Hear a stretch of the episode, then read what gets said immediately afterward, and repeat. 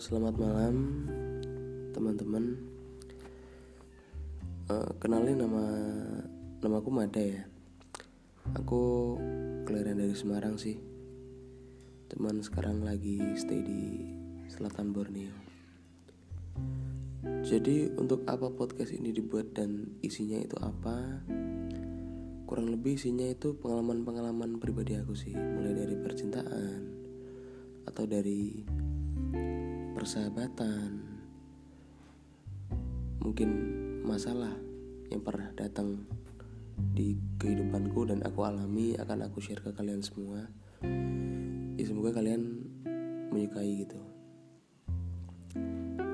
Jadi selamat mendengarkan ya. Terima kasih.